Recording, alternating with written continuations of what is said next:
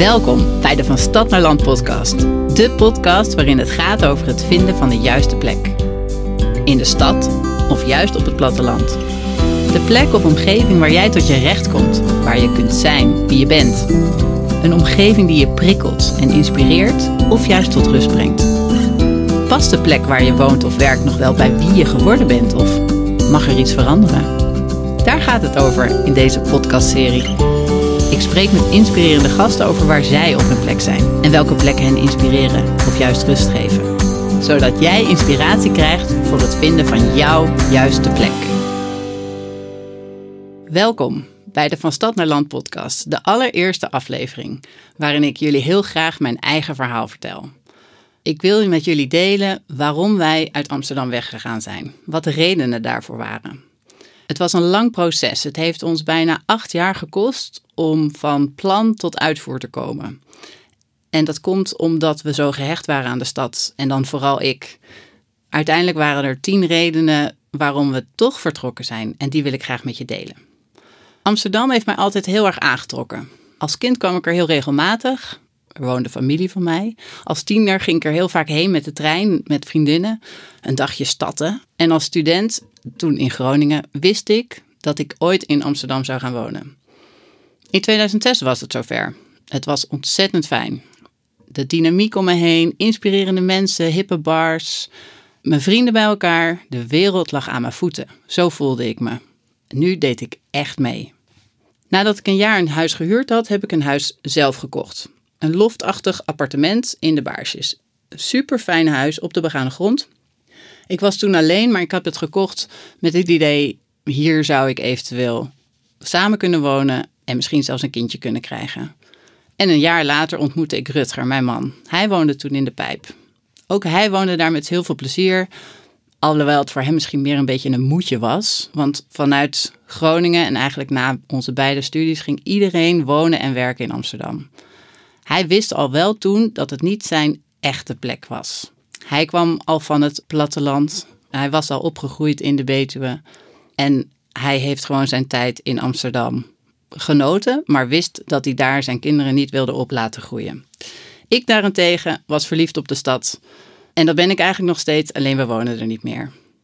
Toen we kinderen kregen, kreeg de stad een beetje een andere kleur. Al die tijd daarvoor heb ik enorm genoten. En na de geboorte van Tijmen, onze eerste zoon, genoot ik ook nog steeds, maar op een andere manier. Ik genoot van de wandelingen door de stad met de kinderwagen, even koffie drinken om de hoek, naar de HEMA of een cadeautje kopen in de Jan-Pieter Heijen. Heerlijk vond ik dat.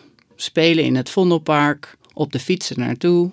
Maar pas nadat Matthijs geboren was, onze tweede zoon, kwam de echte noodzaak en zijn we echt in actie gekomen. De hoofdreden dat we nu wel echt gingen verhuizen was eigenlijk voor het grootste gedeelte de ruimte. Er was te weinig ruimte in het huis, er was te weinig ruimte om het huis, er was te weinig ruimte voor jezelf, er waren altijd mensen. De ruimte in het huis was eigenlijk, wij woonden dus op een begane grondappartement. We hadden een grote loftachtige kamer met aan de achterkant een slaapkamer voor ons en een heel klein pietpeuterig kinderkamertje van 2 bij 1. Ik noemde het wel het postzegelkamertje.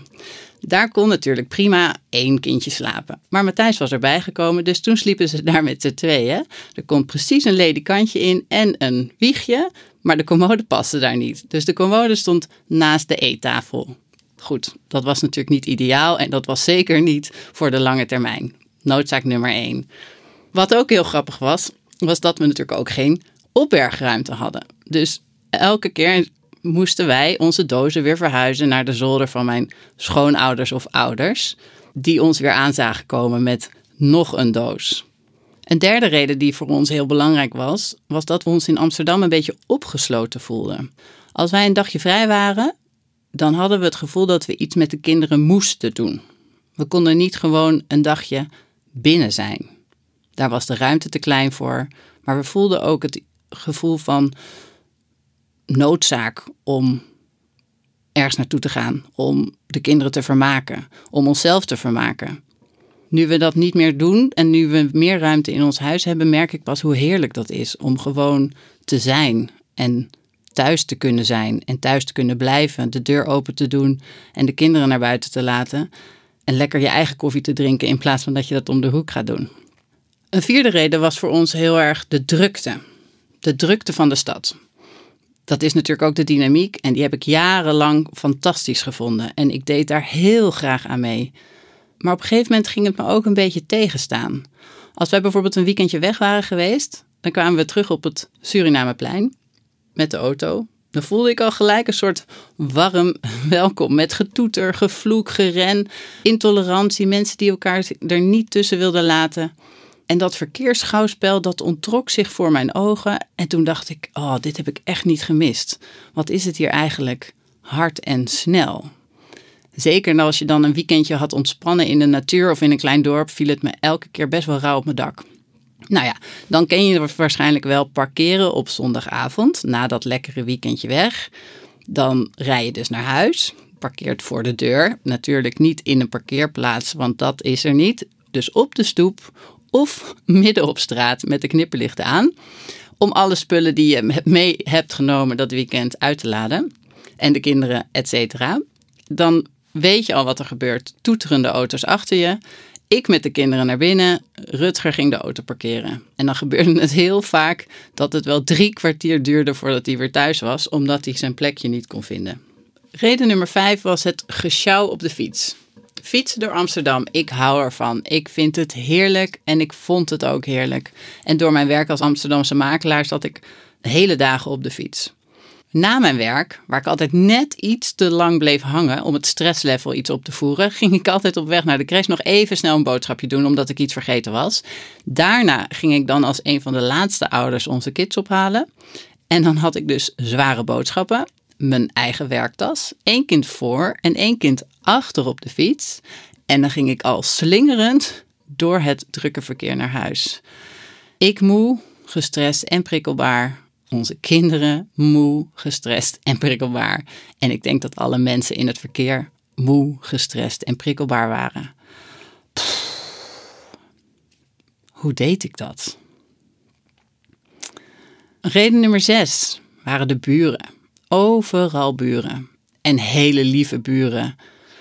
Ik wil echt geen klachten maken over mijn buren. Wij hadden de liefste buren die er waren. Maar ze waren er wel en ze waren er overal.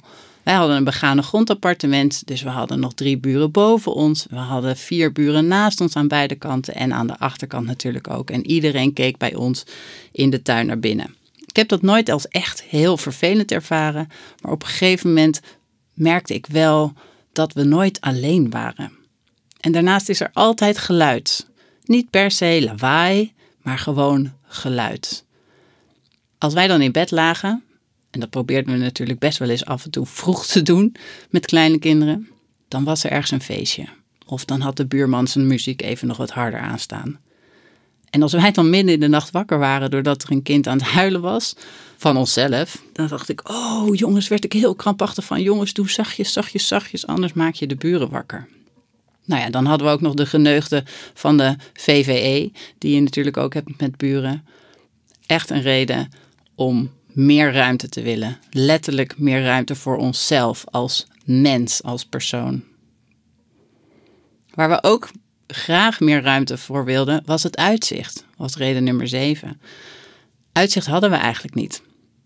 Als ik wilde weten wat voor weer het was, dan keek ik op mijn app op mijn telefoon. Nu ik in het land woon, heb ik uitzicht. Kan ik naar buiten kijken, zie ik de lucht en zie ik, hé, hey, het is mooi weer vandaag. Heerlijk is dat. De achtste reden die voor ons belangrijk was, was dat we wilden verhuizen voordat Tijmen naar school zou gaan. Hier in Amsterdam, ik zeg hier, want ik zit hier de podcast op te nemen. Heerlijk vind ik dat ook. Maar hier in Amsterdam ehm, mag je natuurlijk niet zelf uitkiezen welke basisschool je wil. Althans, je mag het wel uitkiezen, maar of je daar ook geplaatst wordt, dat is een tweede. Je kunt je voorkeuren opgeven, vijf stuks geloof ik. En dan mag je hopen dat je geplaatst wordt op de school van je keuze. Ik vond dat best wel een heftig gevoel. Ik wilde daar liever niet aan meedoen. Een andere reden die voor ons best wel meewoog in de beslissing om toch te verhuizen, was onze oppas, opa en oma. Opa en oma die wilden voor onze kinderen zorgen op woensdag. Heerlijk, wat een luxe. En dat is oma ook komen doen. Vanaf dat Tijmen geboren was, kwam ze elke woensdag, s ochtends vroeg. Ik denk dat ze om zes uur al in de auto stapte om bij ons te zijn. En dan hadden ze een heerlijke dag. Zij genoot ook van dat stadse leven, met z'n tweeën door de Kinkerstraat. Even een klusje hier en een dingetje daar. Even kijken naar de grote vrachtverkeer of de bouwverkeer wat weer ergens bezig was. Zij hadden de tijd van hun leven met z'n tweeën. Toen Matthijs geboren werd, waren het ineens twee kinderen waar ze moest, voor moest zorgen. En met twee kinderen door de Kinkerstraat en even gezellig de hele dag op pad, is al een stuk minder relaxed dan met één. Dus zij was met één kind op dat kleine stoeltje van de kinderwagen, die natuurlijk overal naartoe wilde lopen. En de andere daarin, veel meer gebonden aan ons huis. Want je had ineens niet meer de vrijheid van één kind in de kinderwagen. Matthijs moest dan slapen, en Tijmen moest er op een ander moment slapen. Dus ze moest veel meer in ons huis zijn. En dan merk je toch ook weer dat die ruimte beperkt is. Daarnaast moest ze nog steeds elke ochtend, elke woensdagochtend om zes uur opstaan. Op een gegeven moment werd dat best wel zwaar. Nu wij dichterbij wonen, kunnen opa en oma gewoon hun eigen leven leiden. Ze kunnen ze naar school brengen, ze kunnen ze weer ophalen, ze kunnen een boterhammetje eten bij ons huis of bij zichzelf thuis. Het is een luxe. Dan is nog wel de grootste reden, en ik denk dat iedereen dat wel herkent, is de value for money. Want hoeveel huis kan je buiten de stad kopen? En hoe duur is het om in de stad te kunnen blijven? Voor ons was dat niet mogelijk, om onze woonwensen te vertalen naar iets wat we hier in Amsterdam zouden kunnen kopen. We hebben het zelfs zo voor elkaar gekregen dat we ons appartement in Amsterdam, wat uiteindelijk ik denk 66 vierkante meter was, voor meer geld te verkopen, en dat is inmiddels ook alweer bijna vier jaar geleden, voor meer geld te verkopen dan waar wij ons vrijstaande huis met 800 vierkante meter grond aan de Lingen met een bootje voor de deur hebben kunnen kopen. Value for money. Heel belangrijk. Zeker als je die grote tuin wil. Wij zijn uiteindelijk naar de Betuwe verhuisd. En dat hebben we gedaan omdat mijn man daar al vandaan komt. Omdat het een hele mooie omgeving is. Omdat het heel goed bereikbaar is. Ik ben in 45 minuten nu naar Amsterdam gereden bijvoorbeeld. Omdat je daar prachtige huizen kunt kopen. Zonder de stad helemaal uit het oog te verliezen.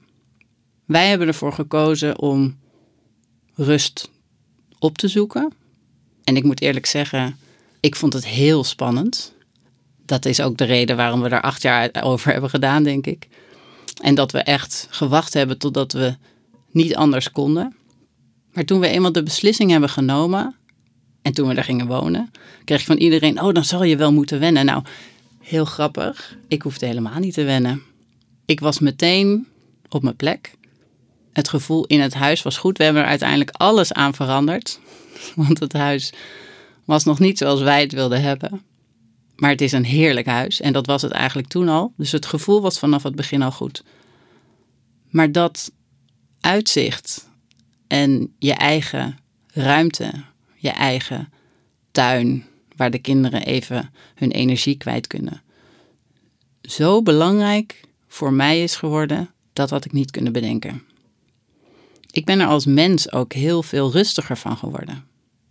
Het heeft ons als gezin ook meer focus op elkaar gegeven. Er is meer aandacht. Ik ben minder aan het rennen. In Amsterdam had ik 30 ballen in de lucht. In ieder geval het gevoel dat ik die 30 ballen in de lucht had. Ik was altijd bezig, altijd gehaast. En nu zijn er natuurlijk dingen veranderd. Ik doe geen boodschappen meer elke dag. Ik kan niet meer koffie drinken om de hoek. Ik loop niet meer met de kinderwagen door de Kinkerstraat of de Jan-Pieter Heijenstraat. Maar daarvoor in de plaats krijg ik uitzicht, natuur, buiten zijn, mensen die bij mij op de koffie komen, meer contact met mijn buurvrouw, kinderen die op de fiets naar school kunnen. Het in de natuur zijn en het dichter bij de natuur zijn geeft mij energie. En ons gezin geeft dat ook energie. Ik ben dus echt op mijn plek op het platteland. Weet jij waar jouw juiste plek is? Heb je hem al gevonden? Of woon je nog in de stad en herken je je in mijn verhaal dat je ook wat meer rust zou willen? een grotere tuin voor de kinderen waar ze kunnen buitenspelen. Waar je niet dat gevoel van drukte om je heen hebt, maar uitzicht en dichter bij de natuur. Ik kan me voorstellen dat het een hele spannende stap is. En dat je heel graag nog in de stad wil blijven om die dynamiek en dat gevoel van leven te behouden. En ik snap het. Ik heb dat ook nog steeds. Ik kom nog zo graag naar de stad toe. En ik geniet ervan en ik word geïnspireerd. En dan is het ook weer heel fijn om weer terug naar huis te gaan. Om die rust weer op te zoeken. En zodra ik dan ons dorp inrij, dan word ik meteen gelukkig van het uitzicht en van de prachtige natuur om me heen. Maar als jij nou niet weet waar die plek voor jou is, dan lijkt het me heel leuk als ik je daarbij kan helpen. Laat een reactie achter voor me. Dan ga ik kijken wat ik voor je kan doen. Gaan we samen jouw juiste plek vinden. Ik zou het ook heel leuk vinden als je nog gaat luisteren naar de volgende afleveringen. Er komen mooie gesprekken aan met mensen die hun eigen plek ook vinden. Het vinden van een juiste plek gaat namelijk over wonen, maar ook over werken. En waar kom je tot rust? Waar laat je inspireren? Van stad naar land, we vinden de juiste plek.